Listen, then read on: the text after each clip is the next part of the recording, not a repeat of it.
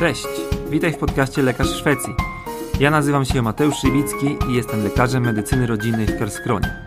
Na łamach tego podcastu oraz na mojej facebookowej grupie przybliżam Ci realia pracy i życia lekarza po drugiej stronie Bałtyku oraz pomagam Ci w emigracji. Dobry wieczór, cześć. Lecimy z tematem BT, czyli nowego systemu rekrutacji na rezydenturę w Szwecji. I dzisiaj będę rozmawiał z Olgą Lagowską, naszą pierwszą reprezentantką, pierwszą BT lekarę e, wśród polskich lekarzy. Dobra, to zapraszam Olgę. Cześć Olga. Cześć, cześć wszystkim. Powiedz kilka słów wstępnie o sobie. Ja już troszeczkę Ciebie przedstawiłem, ale opowiedz nam tak z grubsza, w jakim punkcie kariery się znajdujesz, gdzie w ogóle się znajdujesz i jak obecnie wygląda Twoja sytuacja. Dobra, to może tak pokrótce moja historia życiowa. E, miałam 12 lat, jak przeprowadziliśmy się z rodzicami do Szwecji, do Sztokholmu. E, tutaj skończyłam szkołę średnią e, i wróciłam z powrotem na studia mm, do Polski, do Gdańska. Skończyłam na dywizji angielskiej studia w Gdańsku. Zrobiłam też w Polsce staż. W zeszłym roku skończyłam staż. Przyjechałam do Szwecji, dostałam szwedzką legitymację i w tej chwili zaczęłam bietię w Sztokholmie. Jestem po trakcie czwartego tygodnia bietię w Sztokholmie. Dokładnie, więc masz tak naprawdę tutaj informacje super świeże z pierwszej linii frontu i tak jak sobie wcześniej chyba rozmawialiśmy, no to chyba nie ma na razie żadnego tam spośród Twoich rówieśników z Polski, kto by rozpoczął betę wcześniej albo gdzieś w innym miejscu, tylko właśnie Ty jesteś tutaj pionierem tego wszystkiego. Tak, wydaje mi, się, wydaje mi się, że jestem jedną z pierwszych. Nie mam pojęcia, czy ktoś wcześniej, wcześniej zaczął. My wystartowaliśmy 30 sierpnia E, nasz, nasz, nasz, nasza pierwsza grupa tutaj właśnie sztokholmska. Także mhm. możliwe, że gdzieś indziej ktoś, ktoś zaczął, ale nie znam takich osób. Okej, okay, dobra, to już wiemy, e, kim jest nasza prelegentka. Teraz chcemy poznać publiczność, czyli wszystkich, którzy siedzą po tej drugiej stronie i standardowo pytanko, możecie e, napiszcie odpowiedź w komentarzu pod, pod tym nagraniem. W jakim wy punkcie swojej kariery jesteście? Czy studiujecie, czy jesteście na stażu, rezydenturze? Napiszcie, jeżeli studiujecie, napiszcie od 1 do 6, na którym roku jesteście. Jeżeli jesteście stażystami, napiszcie S, rezydenci napiszą R i chętnie też mogą dodać rezydentami jakiej specjalizacji jesteście. I jeżeli może też są jacyś specjaliści, to też zachęcam do pochwalenia się tym, jakimi specjalistami jesteście w jakiej dziedzinie. Olga, ty nie widzisz komentarzy, prawda? Nie, ale tutaj mam taki e, na telefonie, wiesz, mam włączony Masz, też i także widzę, że mi, że mi lecą, także tutaj chyba tak. sporo specjalistów. E, wiesz co, nie, S to byli starzyści. A, to byli starzyści, okej, okay, no to także... widzisz, ja już tutaj nie ogarniam. Okej, okay, czyli sami starzyści, szósty rok, piąty. Super. Dokładnie tak jak się spodziewaliśmy, czyli tutaj e, no właśnie do Was są skierowane te informacje jak najbardziej, ponieważ bardzo świeża sprawa, nowy system i im wcześniej się dowiecie o tym, jak to działa, tym lepiej dla Was. I nadal widzę, że spływają tutaj komentarze. Yy, głównie szósty rok i starzyści. Właściwie 90% osób, które piszą, to jest właśnie w tym punkcie. Dobra. Okej, okay, Olga, słuchaj, to powiedzmy na początek, tak może wspólnymi siłami, co to to BT w ogóle jest? Jakimi to się prawami rządzi, skąd to się wzięło i co to jest? Dobra, to tak. E, w tej chwili od e, zaczęło się po prostu zmieniła się cała jakby system szkolenia lekarzy w Szwecji, czyli teraz studia zamiast trwać 5,5 roku będą trwać 6, 6 lat e, i po skończeniu studiów lekarz, który skończy studia od razu otrzymuje szwedzką legitymację, czyli szwedzkie PWZ. E, w związku z tym e, znika ATIE, czyli ich staż, który musieli zrobić, żeby dostać wcześniej legitymację i będą musieli robić BIETIE. BIETIE jest pierwszą częścią e, specjalizacji i można ją, trwa 12 miesięcy. Składa się przynajmniej z dwóch bloków. To jak z czego się składa, I... to jeszcze powiemy tak. kawałek dalej, ale to, co opisałaś, to jakby odniosłaś to do sytuacji studenta, który studiuje medycynę w Szwecji, prawda? Tak, dokładnie. Rozpoczął się teraz nowy system. Od tej jesieni, która następuje, studenci kierunku lekarskiego będą studiowali już 6 lat, a nie 5,5. Mowa o tych, którzy będą studiowali w Szwecji. I Dokładnie. po tych 6 latach dopiero oni wejdą w ten tryb BT, a AT, które jest obecnie stażem, będzie stopniowo wycofywane. Natomiast powiedzmy, jak to się ma do osób studiujących za granicą, czyli zarówno Szwedów studiujących za granicą, jak Właśnie. i nas, Polaków studiujących w Polsce. Tak, w związku z właśnie z tą zmianą systemu szkolnictwa dla lekarzy szwedzkich, zmienia się system dla lekarzy, którzy studiowali poza granicami Szwecji. E, wszyscy, którzy studiowali poza granicami Szwecji i nie robili e, ATIE w Szwecji, e, żeby rozpocząć rezydenturę, będą musieli zrobić BIETIE. Czyli jeśli ktoś skończył studia w jakimkolwiek kraju Unii Europejskiej, bo to mhm. też w zależności, jeśli ktoś na przykład kończył studia poza granicami Unii, to też jest trochę inna procedura. Dokładnie. Mm, ale jeśli ktoś skończył studia na terenie Unii Europejskiej i nie ma szwedzkiego ATIE, a chce robić specjalizację w Szwecji, to od 1 lipca 2021 roku będzie musiał zrobić BIETIE, bez względu na to, kiedy otrzymał legitymację szwedzką, co też jest dosyć istotne, bo wydawało nam się na początku, że jeśli ktoś otrzyma legitymację e, szwedzką, czyli szwedzkie prawo wykonywania zawodu, przed 1 lipca nie będzie go obowiązywało BIETIE. Niestety nie ma znaczenia, kiedy się otrzymało legitymację, ważne jest, kiedy się otrzymało e, umowę specjalizacyjną. Bardzo dobrze, że, bardzo dobrze, że o tym mówisz, ja tylko ci wtrącę, bo kiedyś miałem taki wywiad z przewodniczącym SLF Husseinem, to był po szwedzku wywiad nawet, tłumaczony na bieżąco przeze mnie. I właśnie on mówił dokładnie o tym, o czym ty mówisz, że miała się liczyć data uzyskania szwedzkiego legitimation, natomiast później zostało to zmienione. I chyba ty nawet do mnie napisałaś w jakimś tam momencie, tak, bo ja miałam nadzieję, że obejmą mnie jeszcze stare, stare, stare prawo po prostu, że mnie jeszcze obejmie. E, ale niestety okazało się, że już, e, że już e, musiałam po prostu iść nowym systemem.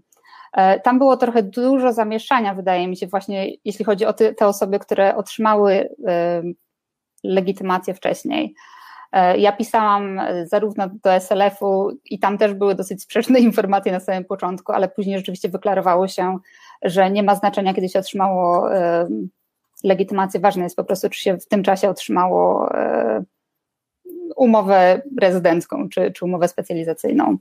Dokładnie. Czyli wszyscy, którzy nie zaczęliście jeszcze specjalizacji w Szwecji, możecie być 100% pewni, że już ten system BT Was obejmuje i bardzo dobrze, że tu jesteście. Zaraz dowiecie się w szczegółach, jakie tutaj są zasady gry w tym nowym systemie. Tak, tylko że trzeba pamiętać, trzeba pamiętać o tym, że obejmuje to te osoby, które chcą zacząć robić specjalizację w Szwecji. Nie obowiązuje to już gotowych specjalistów, czyli jeśli ktoś jest specjalistą w Polsce i chce przyjechać do Szwecji, y, wtedy nie obowiązuje żadne BIET, tylko po prostu jest y, wymagana nostryfikacja, tak, swojego mhm. po prostu, swojej specjalizacji i wtedy już to trochę inaczej wygląda. Super, bardzo dobrze, że o tym mówisz, bo, bo o to też ktoś tam wcześniej pytał. I co prawda nie mamy tutaj u nas y, w publiczności zbyt wielu specjalistów, ale gdyby kiedyś to oglądali i interesowali się tym tematem, to oczywiście, tak jak mówisz, nie jest, nie muszą przechodzić tego, y, tego tutaj kroku, tylko mogą notyfikować bezpośrednio swoją specjalizację z Polski i od razu pracować w szwedzkim systemie. Oczywiście wymagana znajomość języka. E, dobra, e, zrobimy mały przerywnik. E, jeszcze zapomniałem na początku, oprócz tej całej tutaj gry, zabawy z, z podawaniem, kto na którym roku, to jeszcze chciałem zapytać, skoro już mamy tutaj tak wielu stażystów, to powiedzcie, jak wam poszedł lek, który w zeszły weekend pisaliście.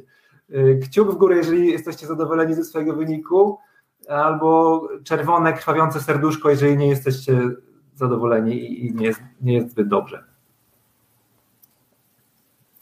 to naciskajcie, głosujcie, pochwalcie się, jak to, jak tam poszło. Bo chyba wyniki z leku już były, prawda? Orientujesz się, Olga?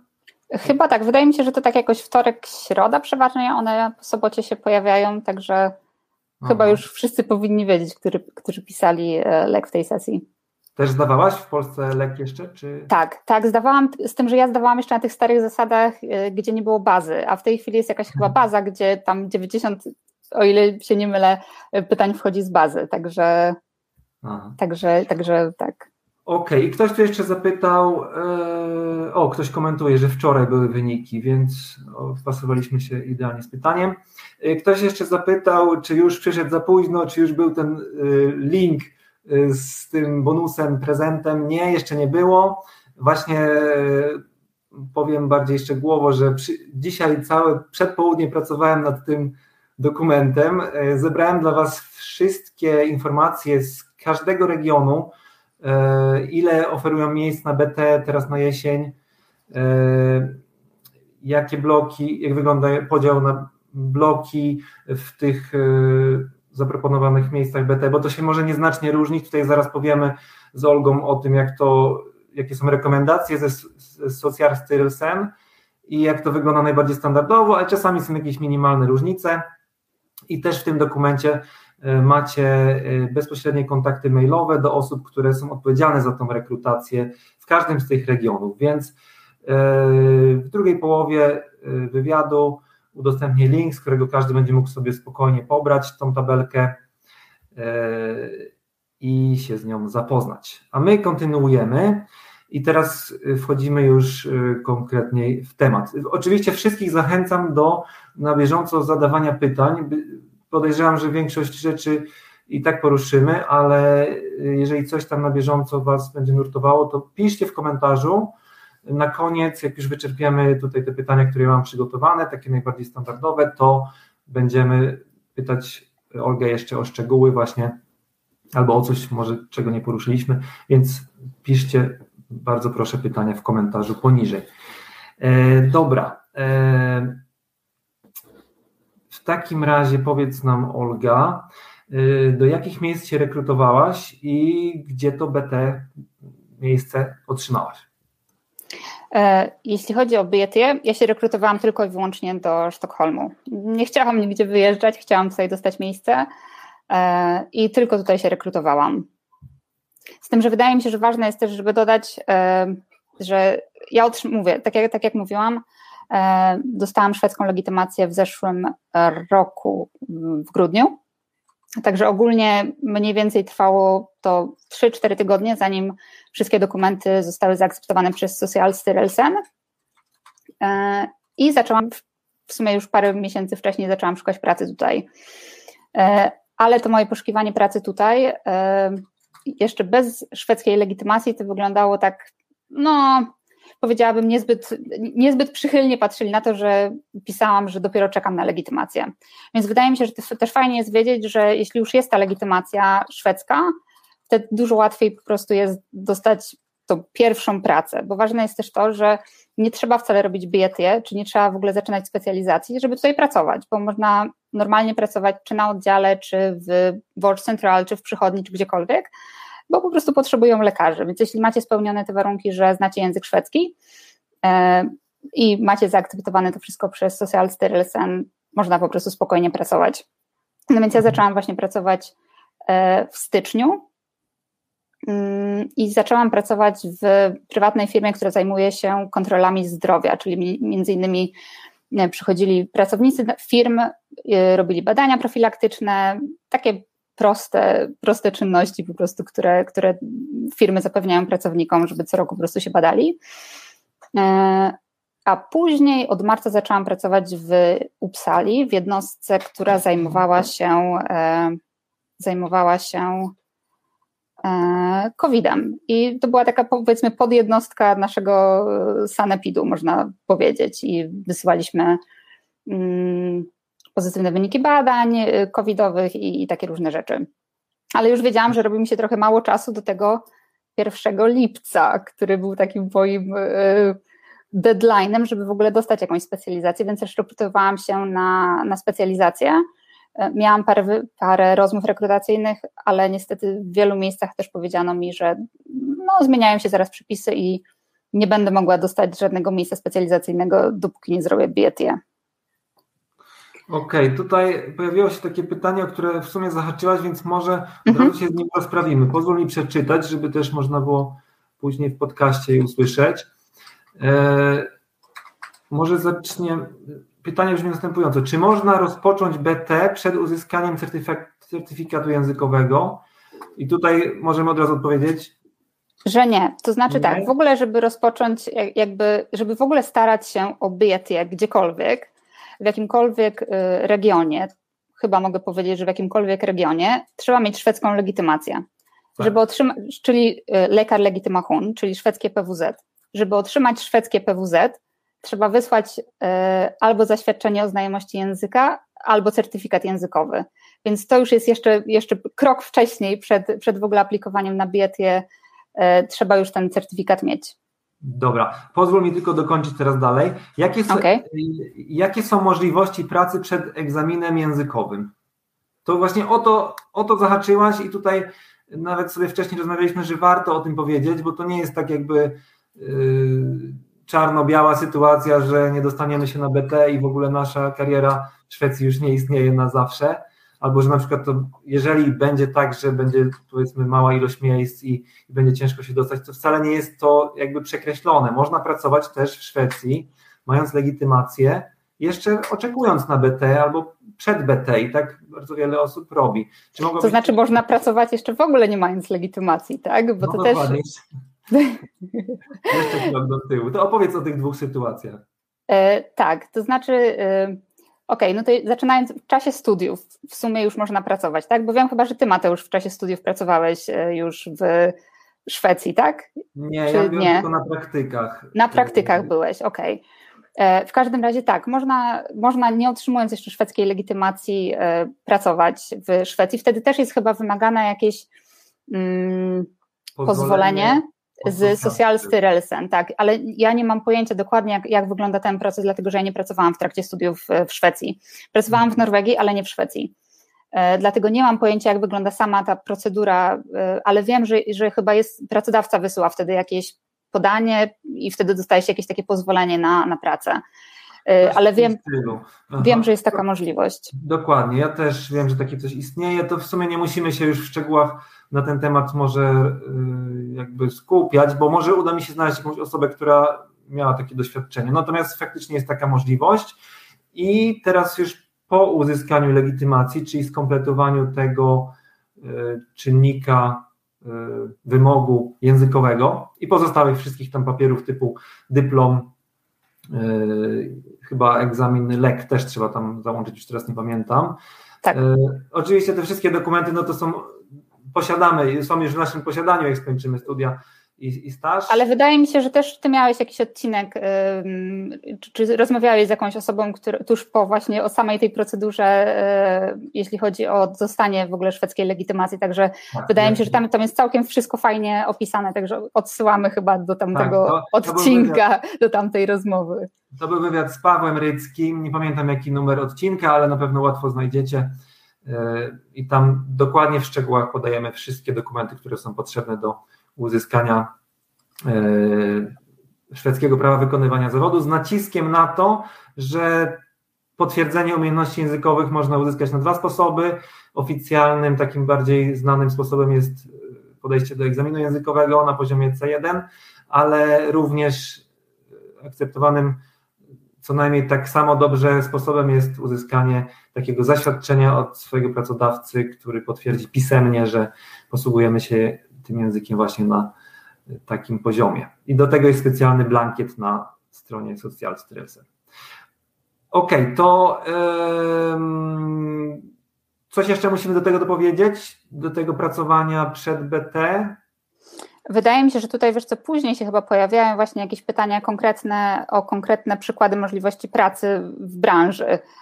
Aha, e, ja jeszcze nie zdążyłem tutaj rzucić okiem, ale... Tak, tutaj wiesz, przy, przywijają mi się, widzę, że, Dobra, że wpada, wpada sporo pytań. Możemy tylko pokrótce powiedzieć, bo wydaje mi się, że to też nie jest tak jakby tematem dzisiejszym, Są różne, są różne możliwości. Pojawiają się możliwości pracy tak, tak, jako tak zwany underlekere.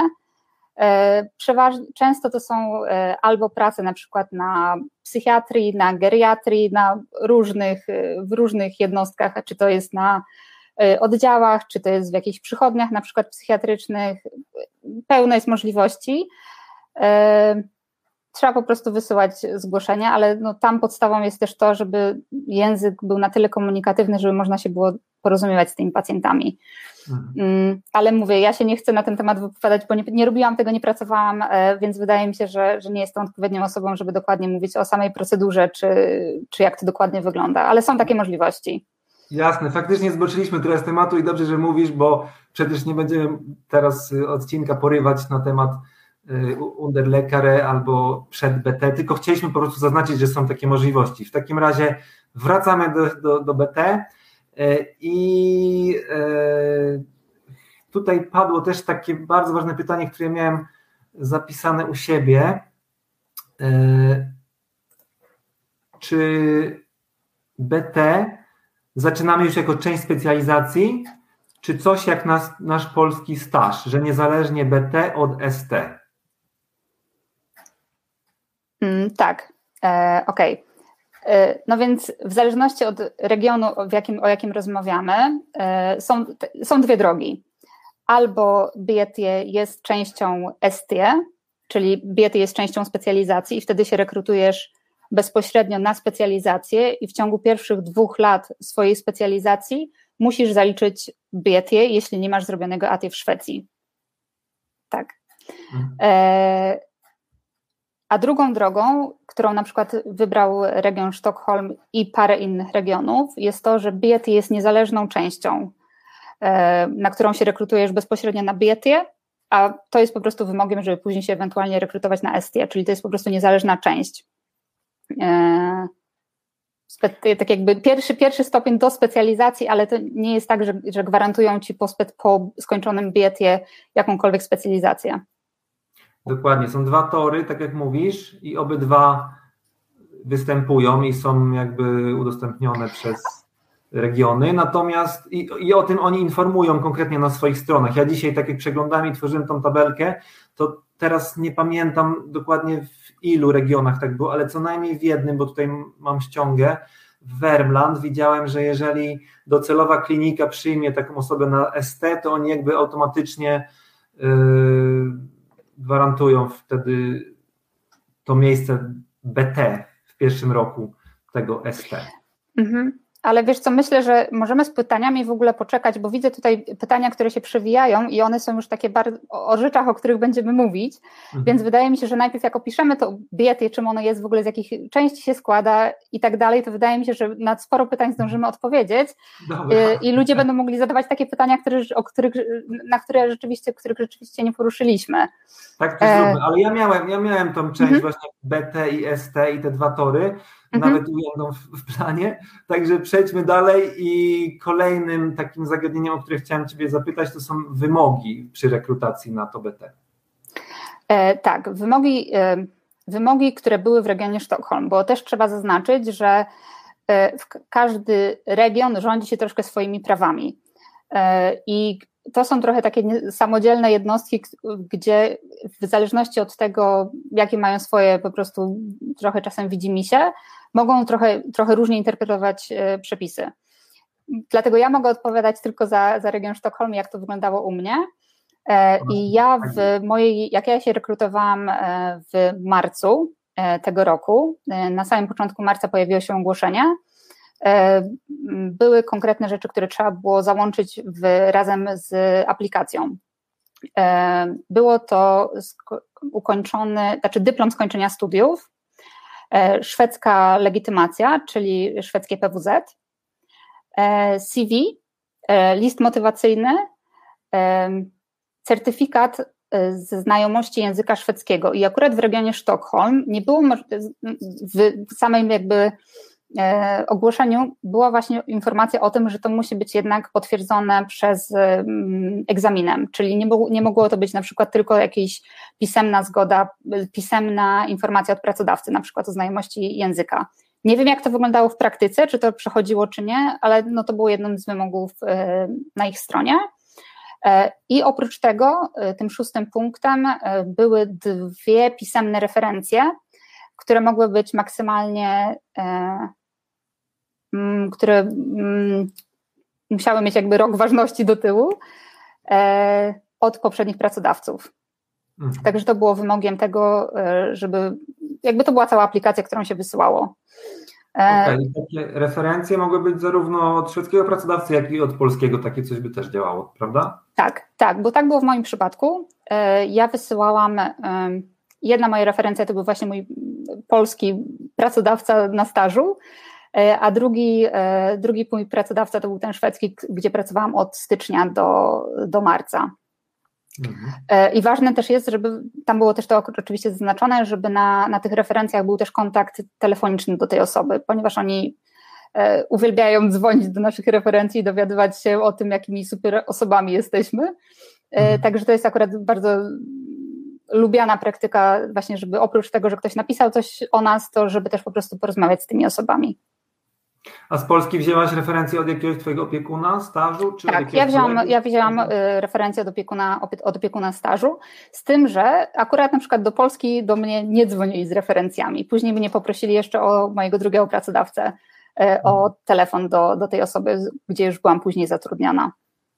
No właśnie, możemy powiedzieć, że na pewno szwedzkie referencje będą mocniejsze niż polskie, aczkolwiek jeżeli nie mamy szwedzkich, no to warto się podeprzeć tymi polskimi i oczywiście yy, no tutaj w takim przypadku na przykład pomaga to doświadczenie zebrane przed BT, pracy przed BT albo nawet jeszcze przed legitymacją, no bo wtedy możemy faktycznie wziąć te referencje. Wydaje mi się, że jakiekolwiek doświadczenie ze szwedzkiej służby zdrowia, czy to będzie, jeśli ktoś pracował jako, nie wiem, pielęgniarz, y, opiekun medyczny, cokolwiek po prostu związanego tutaj z tutejszą służbą zdrowia na pewno jest bardziej liczone niż y, nawet zrobiony staż czasem w Polsce, tak mi się wydaje.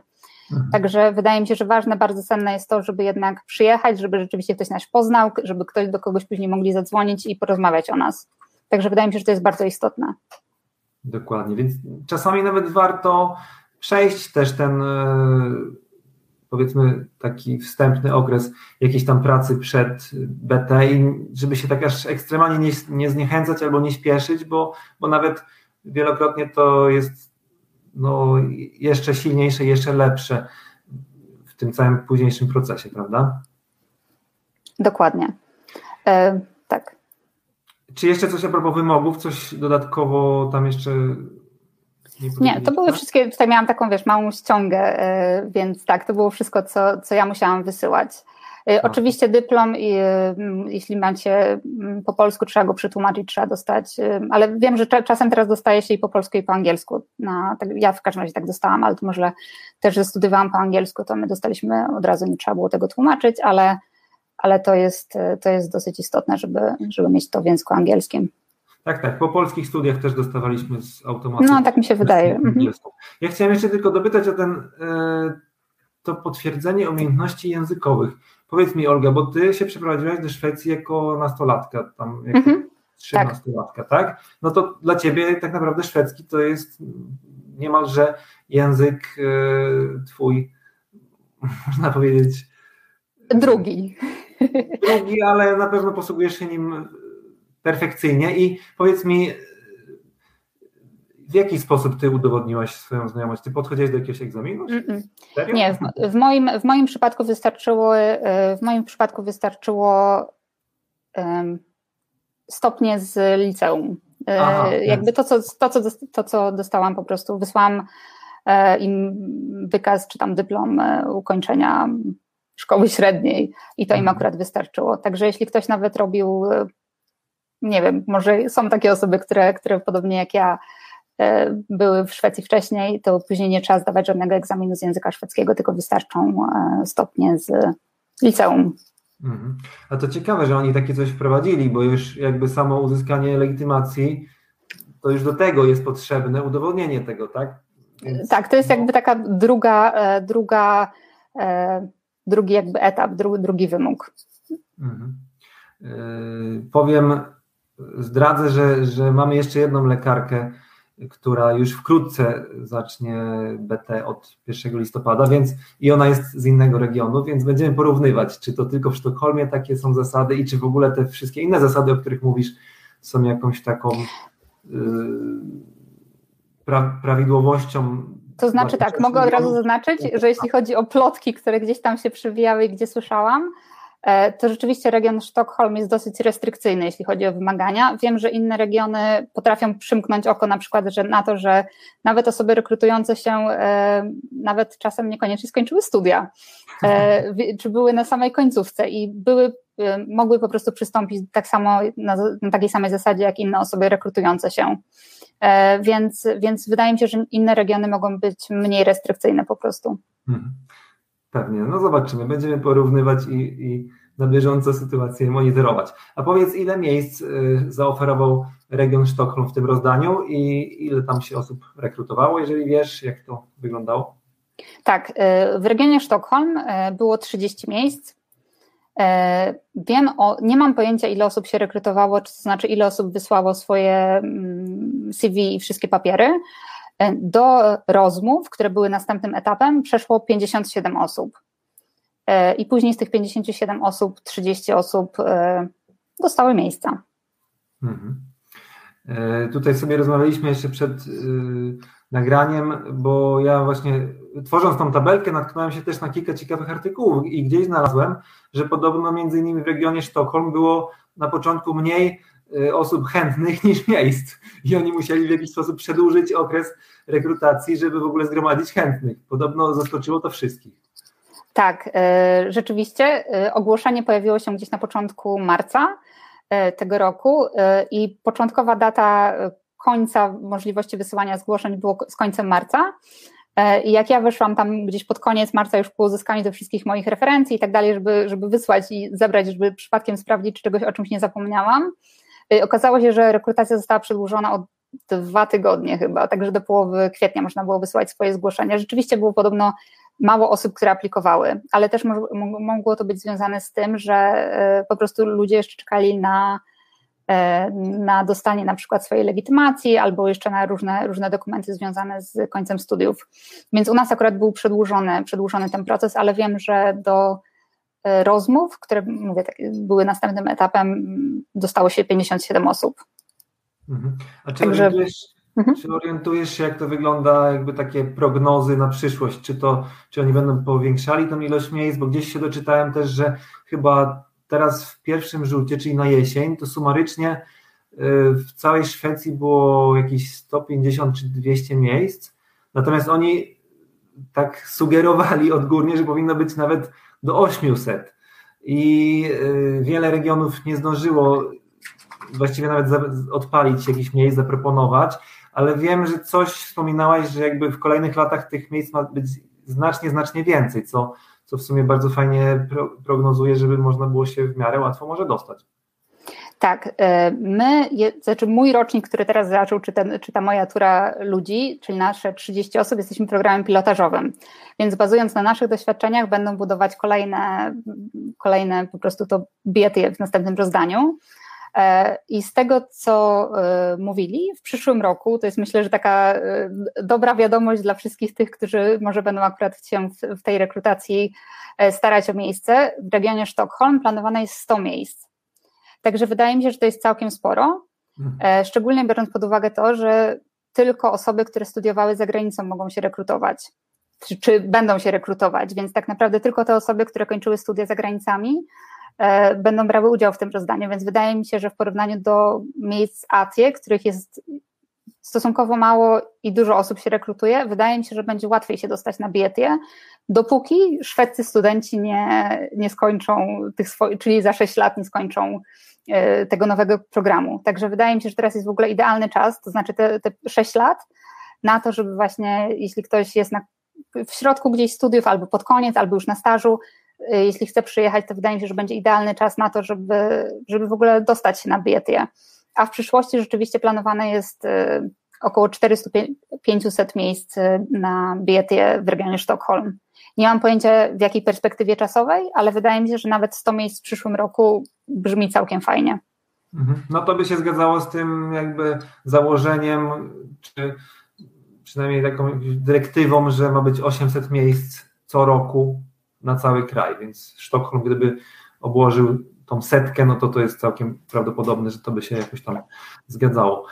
Bardzo cenną wskazówkę właśnie podajesz, że e, tak jak dzisiaj też czytałem w tych wszystkich artykułach, że pierwszym rocznikiem z tych osób, Szwedów, którzy studiują e, na szwedzkich uczelniach, który będzie robił BT i będzie konkurował z nami zagranicznymi, to jest dopiero rocznik, który teraz na jesień rozpoczyna studia, czyli oni wejdą w tryb BT na jesień 2027 najszybciej. Czyli teraz jest takich 6 lat, w których to tylko studenci y, kończący zagraniczne uczelnie będą konkurowali o te miejsca i tak jak widzicie, no dostęp do tych informacji jest y, dość trudny i i kto wie, może głównie te miejsca będą obsadzone przez polskich kolegów i koleżanki, skoro wy macie tutaj możliwość tak naprawdę dostępu do tej informacji stosunkowo szybko. Więc jesteście w dobrym momencie, ponieważ y, tu Olga wspominałaś chyba, że akurat w Sztokholmie oni chyba, to znaczy dokładnie nie wiemy, czy będzie jakaś rekrutacja w każdym semestrze, czy będzie dopiero być może za okrągły rok, tak? Gdzieś w tym samym czasie co teraz? To znaczy tak, myślę, że myślę, że y, będzie rekrutacja za wstęp, to znaczy po prostu zaczęcie kolejnej, kolejnej tury BIET będzie y, na w sierpniu, w wrześniu przyszłego roku. Czyli te 100 hmm. miejsc prawdopodobnie będzie wtedy dostępne. Z, tym, z, tego właśnie powodu, że my jesteśmy tym programem pilotażowym, ale nie mam pojęcia. Myślę, że trzeba na pewno patrzeć na po prostu ogłoszenia i, i one się normalnie pojawiają, są oficjalnie dostępne, e, także wa warto mieć e, notyfikacje na przykład, czy powiadomienia włączone, żeby, żeby po prostu dostać od razu informację o tym, jeśli się pojawią, e, pojawi taka informacja, ale wydaje mi się, że na pewno nie sądzę, żeby zaczęli wcześniej, bo będzie to po prostu bardzo ciężkie dla nich, żeby w ogóle mm, mieć jakieś wyniki z tego po prostu naszego rocznika, który teraz zaczął. Mhm. I tak jak mówisz, warto obserwować te ogłoszenia. Te ogłoszenia pojawiają się na stronach y, konkretnych, poszczególnych regionów i do wszystkich tych stron będziecie mieli link w tej tabelce, którą już za chwilkę Wam udostępnię, więc warto tam spoglądać, patrolować to. I nawet chyba teraz y, tam dodałem dwa linki do dwóch regionów, które jeszcze mają otwartą rekrutację. Gdyby był ktoś, kto czuje się Y, dobrze językowo, już ma legitymację, no to chyba jeden jest do końca września jeszcze, a któryś tam inny region bodajże gdzieś do października, więc też bezpośrednie linki tam możecie, będziecie mogli odnaleźć. Um, Okej, okay. mniej więcej o etapach już tej Twojej rekrutacji powiedzieliśmy. Powiedziałeś, że tam chyba do kwietnia było możliwość składania tych dokumentów. Jak to przebiegało dalej teraz, aż do rozpoczęcia? E, tak, e, więc gdzieś w, do połowy kwietnia trzeba było wysłać wszystkie dokumenty. E, pod koniec kwietnia albo na początku maja e, dostałam informację, że zakwalifikowałam się do dalszego etapu, czyli do rozmów. E, I moja rozmowa była pod koniec maja. E, to było gdzieś chyba 25 maja, jeśli się, jeśli dobrze pamiętam. Mm, to, co było dziwne akurat w naszej rekrutacji, tak mi się wydaje, to było to, że nasze, y, nasze rozmowy były grupowe, to znaczy było cztery osoby aplikujące i cztery osoby, które na nas patrzyły. Z powodu pandemii odbywało się to przez, przez Zoom e, i na taką całą rozmowę było, była przeznaczona godzina. E, nie miałam pojęcia, jak to będzie wyglądało, bo wydawało mi się, no, że y, przeważnie jak miałam jakiekolwiek rozmowy tutaj w Szwecji, to godzina była przeznaczona na jednego kandydata, a tu była godzina przeznaczona na czterech kandydatów, więc to było takie trochę, trochę dziwne. Mm, ale pierwsza część rozmowy to rzeczywiście była ta rozmowa grupowa, e, było nas cztery osoby. Mieliśmy jakieś takie różne zadania, że oglądaliśmy na przykład jakiś filmik, taki, nie wiem, jakaś tam rozmowa z pacjentem, później musieliśmy dyskutować na ten temat. Mieliśmy jakieś takie małe case'y, gdzie musieliśmy też dyskutować na temat, mm, co byśmy zrobili w danej sytuacji. E, I to muszę powiedzieć. Klinicznego, jakieś pytania kliniczne też się gdzieś tam. Tak, i to było tak? bardzo stresujące. E, I z tego, co rozmawiałam później z osobami, które dostały się na bietię, większość osób była przekonana o tym, że nie dostanie miejsca, właśnie z powodu tej rozmowy, która wydawało się, że nie poszła wcale tak dobrze. no, wszyscy mieli po prostu takie wrażenie, że, że to były jakieś takie trochę dziwne pytania, a później właśnie była ta część taka indywidualna, gdzie mogliśmy, mieliśmy 15 minut na każdą osobę e, przeznaczone, gdzie tam zadawali nam szybkie, szybkie parę pytań. E, I to był, ja pamiętam, że to był wtorek, e, a w piątek o godzinie 18 wieczorem już dostałam informację, dostałam telefon, że, że dostałam miejsce na, na Bietie. Mhm. I to, to było w maju, czerwcu? To był koniec maja. Koniec maja. Mhm. To był koniec maja. Czyli jakby od końca maja, a rozpoczęłaś teraz ostatniego sierpnia. 30 sierpnia. Mhm. mhm.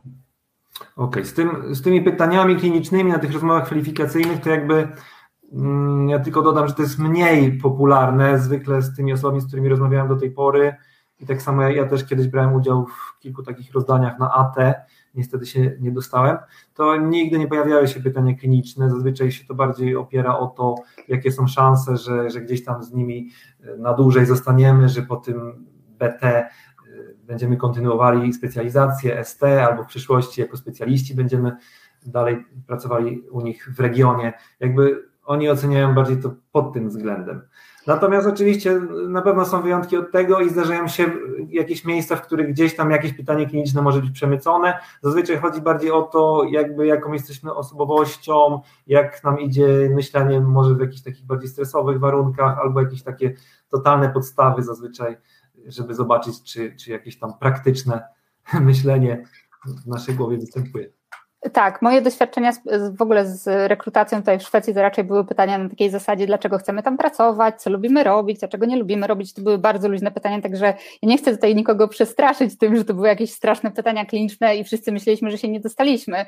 E, rzeczywiście tak było, ale to nie jest typowe i chciałam to po prostu zaznaczyć, żebyście wiedzieli, że czasem też potrafi tak być, ale to też mieliśmy zaznaczone w, mm, w mailu, który dostaliśmy, że będą jakieś tam no jakieś może case'y, także wiedzieliśmy też mniej więcej czego, to znaczy nie do końca wiedzieliśmy czego się spodziewać, ale to było zaznaczone, że to nie będzie taka zwykła rozmowa rekrutacyjna, także, także trochę to, to inaczej wyglądało e, i tutaj widzę od razu, że Łucja się pyta o kilka te pytania indywidualne, czego dotyczyły. E, to były takie pytania o to, o na przykład ciężkie sytuacje w pracy, jeśli ktoś, jeśli czy kiedykolwiek pokłóciłaś się z szefem jak z tego wybrnęłaś, czyli to były takie te trudniejsze pytania na rozmowach rekrutacyjnych, które padają, to były takie typowe, typowe pytania. Hmm. Okej, okay. to opowiedzmy teraz o tej strukturze BT. Z czego się składa, jak w Twoim przypadku jest to podzielone na jakie bloki ten i ile w ogóle trwa to BT? E, tak. Biatia z reguły trwa 12 miesięcy.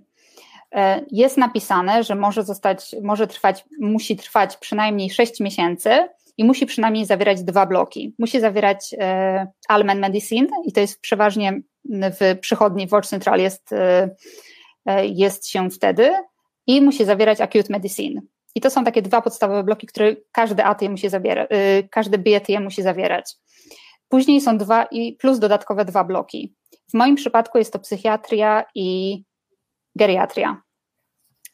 E, z tym, że w regionie Sztokholm e, to na pewno dla nas będzie trwało 12 miesięcy i to jest taki ogólny zamysł, żeby BT trwało 12 miesięcy. W jakichś bardzo szczególnych przypadkach może będzie mogło być skrócone.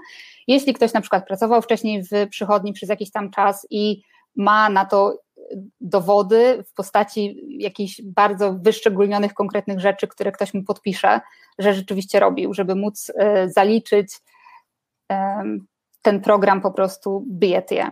Ale z reguły 12 miesięcy, 4 bloki. Almen Medicine, e, Ward Central 4 miesiące, e, Acute Hook Ward 4 miesiące, psychiatria 2 miesiące i geriatria 2 miesiące w moim przypadku. Mhm. Także tak, tak, czyli SOR. Czyli SOR. Mhm. Tak. I albo Almen, i Almen Medicine, Word Centralen, czyli POZ. Dokładnie. Y, ja tylko jeszcze dodam, bo faktycznie to są te dwa główne rdzenie, czyli POZ i SOR. I to jest tak uformowane to wymaganie, że tam jakby jest tak napisane, że oprócz tego może być jeszcze maksymalnie dwa dodatkowe bloki, ale to nie znaczy, że muszą być.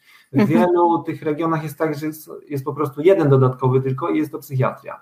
O tym będziemy jeszcze też dokładnie rozmawiali na przykładzie regionu bodajże Dalarna z drugą mhm. koleżanką, która niedługo rozpocznie. Ale w, w, w Sztokholmie jest to tak dość ciekawie sformowane, że ta geriatria tam występuje, ale na pewno ma to jakiś tam swój zamysł. E, powiedz mi, wspominałeś, że tam jest jeszcze jakieś taka, mm, jakieś intro wstępne, które dosłownie niedawno przeszłaś i są, też są jakieś możliwości chyba kursów, tak? No i nie, nie, nie możemy też zapomnieć o semester, czyli urlopie, który 4 tygodnie również wchodzi w te 12 miesięcy. Tak, y, całe, bietie w Sztokholmie jest sformułowane w ten sposób, że jak przychodzimy pierwsze dwa tygodnie jest tak zwane intro, czyli wprowadzenie. Y, w moim przypadku to wyglądało tak, że przez pierwsze dwa tygodnie y, mieliśmy różne szkolenia, różne wykłady. To nie była taka typowa praca, czyli wszyscy, cała nasza grupa Biety, całe 30 osób, miał wspólne wykłady na różne tematy. E, mieliśmy też zajęcia w centrum symulacji na przykład, czyli taki miękki start, wprowadzenie po prostu do w ogóle do całego systemu, gdzie też nam opowiadali, jak to będzie wyglądało, jakie musimy kryteria później spełnić po, po tym roku, co musimy zaliczyć, e, jak będą wyglądali nasi e, osoby nas prowadzące przez ten rok. E, także to było takie wprowadzenie, które było bardzo miłe, przyjemne. Mieliśmy dużo obiadów, mieliśmy przyjemne spotkania przy kawie. Tak, także bardzo mile to wspominam. Też wprowadzenie no, w system komputerowy chyba, prawda? Tak, mieliśmy też te osoby, które nie pracowały wcześniej w tym systemie, który jest na terenie Sztokholmu, czyli w Take Care, miały możliwość jednodniowego szkolenia z tego systemu, ale to było jeszcze w ogóle przed, przed, przed tym tygodniem wprowadzenia.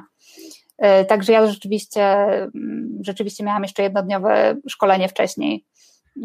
Takie bardzo podstawowe, ale, ale rzeczywiście było. Mhm. Tak. Okej, okay. i jak to jest podzielone to BT na takie cztery bloki w Twoim przypadku, to Mm, opowiedz jeszcze, jak to wygląda, bo taką ważną osobą w życiu takiego BT jest handler, czyli opiekun. I jak to jest zorganizowane? Czy w każdym z tych miejsc będziesz miała innego opiekuna, czy to jest jeden na całość tego BT bloku, czy jak to wygląda? E, tak, to jest w ten sposób zorganizowane, że w pierwszym miejscu, w jakim się znajdujemy, dostajemy tak zwanego głównego opiekuna, czyli Huvudhandledere. E, I ta osoba jest odpowiedzialna za całe zaprowadzenie nas, nas przez cały, całe bietię. A później w, każdej, e, w każdym miejscu, do którego później trafiamy, dostajemy takich mniejszych handliederek, którzy, którzy nas po prostu są za nas odpowiedzialni na danym miejscu, aczkolwiek zawsze muszą też oni rozmawiać z naszym handliederem. I my w ciągu, w ciągu każdego naszego miejsca mamy zagwarantowane e, przynajmniej w moim przypadku to jest chyba godzina tygodniowo albo godzina co dwa tygodnie. Teraz już nie jestem pewna, ale wydaje mi się, że możliwe, że to jest godzina co dwa tygodnie, e, mhm. gdzie mamy po prostu rozmowę z naszym, e, z naszym opiekunem na temat naszych postępów, na temat mm, tego, czego chcielibyśmy się nauczyć, albo czego się nauczyliśmy, mm, albo jakichkolwiek innych problemów, które, które no, napotykamy, albo jeśli mamy jakieś pytania, e, to zawsze możemy się do tego naszego opiekuna zgłosić i, i on rzeczywiście jest tam dla nas. Mhm. A później na każdej, na, w każdym miejscu dostajemy przydzielonego po prostu jeszcze dodatkowego opiekuna, który, który opiekuje się nami w danym, w danym, w danym miejscu. A czy to BT się kończy jakimś egzaminem, czy jakimś udowodnieniem swoich kompetencji? Jak to wygląda? Nie. E, biety, nie na końcu biety nie ma żadnego egzaminu. E, w ciągu biety według Social Styrelsen mamy 18 DL-MOL, czyli takich mm, części, które po prostu musimy zaliczyć w ciągu tego roku. E, I nad tym czuwamy my, i nad tym czuwa nasz Huvudhandledere, żebyśmy rzeczywiście każdą z tych, e, każdą z tych wymagań w ciągu roku e, zaliczyli po prostu, czyli na przykład poprzez to, nie wiem, kontakt z pacjentem, czy poprzez jakieś takie, też są tak zwane Mietsitningery, czyli że po prostu nasz handlier siedzi z nami, jak, jak zbieramy wywiad z pacjentem, jak go badamy i tak dalej, on to ogląda i później na podstawie tego, plus na podstawie różnych kursów, które w przeciągu roku y, robimy, jakby wypełniamy te DLMOL, które są obowiązkowe w programie Bietie, żeby, żeby zaliczyć. A na samym końcu Jest też zewnętrzna osoba raz, razem z naszym Huvudhandliere, jest tak zwany zewnętrzny obserwator, jakaś taka osoba z zewnątrz, która razem z, z tym Huvudhandliere ocenia nasze postępy w ciągu roku i czy rzeczywiście wypełniliśmy te wszystkie mm, te wszystkie DLMOL, które musieliśmy wypełnić. Mhm.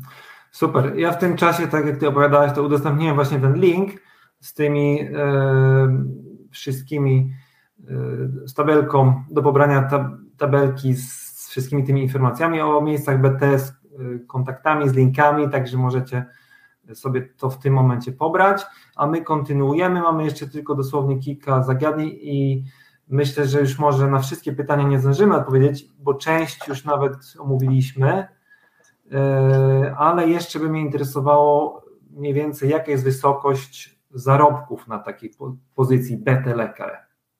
Myślę, że to wszystkich najbardziej interesuje.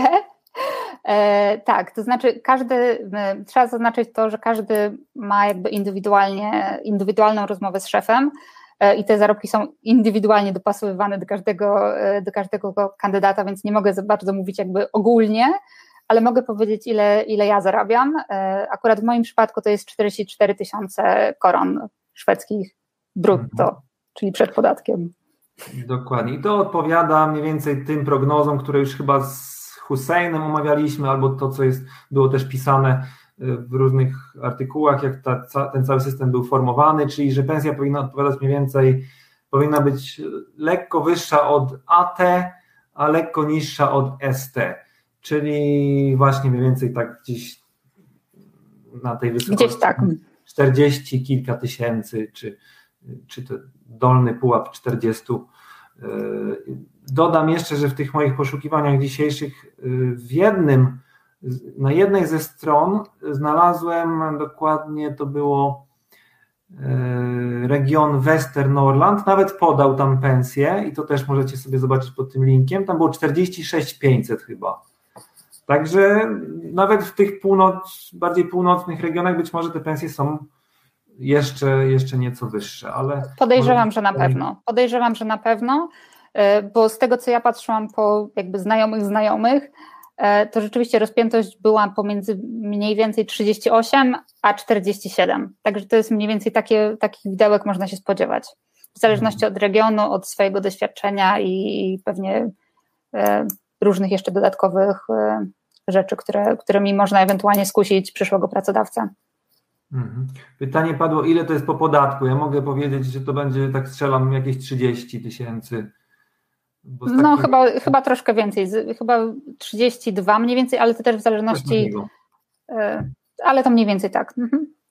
Bo ja z takiego pułapu mniej więcej startowałem 6 lat temu swoje ST, więc e, jakoś tak to było, że 44 chyba brutto i 31 czy 32 netto. E, okej, okay, dobra, to tyle z moich pytań. Zobaczmy, coś Ci się tam nasunęło, Olga, coś z tych komentarzy, co byś uznała, że warto poruszyć. Ja teraz tak na szybko tutaj czytam. Hmm, czy można otrzymać legitymację mieszkając jeszcze w Polsce? Oczywiście. Jakbyś mogła skomentować, Olga? To znaczy, w sumie nie ma znaczenia, gdzie się mieszka. Y, ważne, żeby po prostu spełnić te wymagania, y, które są podane przez Social Styrelsen, czyli właśnie y, skończone, skończone studia, znaczy uzyskany dyplom te kwalifikacje językowe, lek przetłumaczony, w sensie świadectwo z danego leku i przetłumaczone. Mm, nie pamiętam, co tam jeszcze było wymagane. No e, Aha, zaświadczenia z OIL-u, zaświadczenia z OIL-u, które też trzeba dołączyć do wniosku, ale wydaje mi się, że dobrze po prostu jest wrócić do tego odcinka, w którym, e, w którym było rozmawiane na temat samego, samego dostania legitymacji szwedzkiej. Dokładnie, więc jeżeli Wszystkie właściwie dokumenty masz na miejscu, e, natomiast jedynym takim progiem jest ten dokument o języku. Jeżeli masz certyfikat na poziomie C1 albo w jakiś sposób jesteś w stanie to udowodnić, to jak najbardziej można takie coś osiągnąć, nawet jeszcze będąc w Polsce. E, tu jest takie samo pytanie i tu jest jeszcze e, Podobne. W jaki sposób można uzyskać zaświadczenie językowe? Czyli to, to jest pytanie o to zaświadczenie od pracodawcy. To nie wiem, czy Olga czujesz się na siłach, żeby akurat na to odpowiadać. E, to znaczy, ja przez to nie przechodziłam, e, więc no. ja wiem tylko tyle, że po prostu, że jeśli się pracuje i, za, i, pracodawca wystawi takie zaświadczenie, które też spełnia pewne wymagania, to znaczy nie tyle, że mm, dana osoba ma poziom C1 ze szwedzkiego, bo to nie wystarczy, tylko tam rzeczywiście trzeba bardzo szczegółowo chyba e, napisać na podstawie czego, i, i, ale ja nie przechodziłam przez to, więc nie mam pojęcia. Paulina, ja podlinkuję ten dokument, y, Mm, blankie z tego dokumentu z Social Styrelsen już nieraz tam był y, wspominany. Tutaj też. Mhm. Więc będziesz mogła sobie dokładnie zobaczyć, y, co tam y, pracodawca musi opisać. I w praktyce to wygląda tak, że zależnie na jakim jesteś poziomie, jeżeli już jesteś naprawdę blisko C1, to wystarczy w jakiś sposób pokazać swoją umiejętność języka. Na przykład Paweł miał na przykład taką sytuację, że już na rozmowie kwalifikacyjnej kwalifikacyjnej był w stanie na tyle zauroczyć swoim językiem e, przyszłego pracodawcę, że otrzymał tego typu zaświadczenie. Natomiast zwykle to jest tak, że trzeba pracować na zasadzie jakiegoś underlekare albo e, lekar asystent kilka tygodni, czasami kilka miesięcy i wtedy bez problemu już takie zaświadczenie można otrzymać, pokazując swoje umiejętności na miejscu.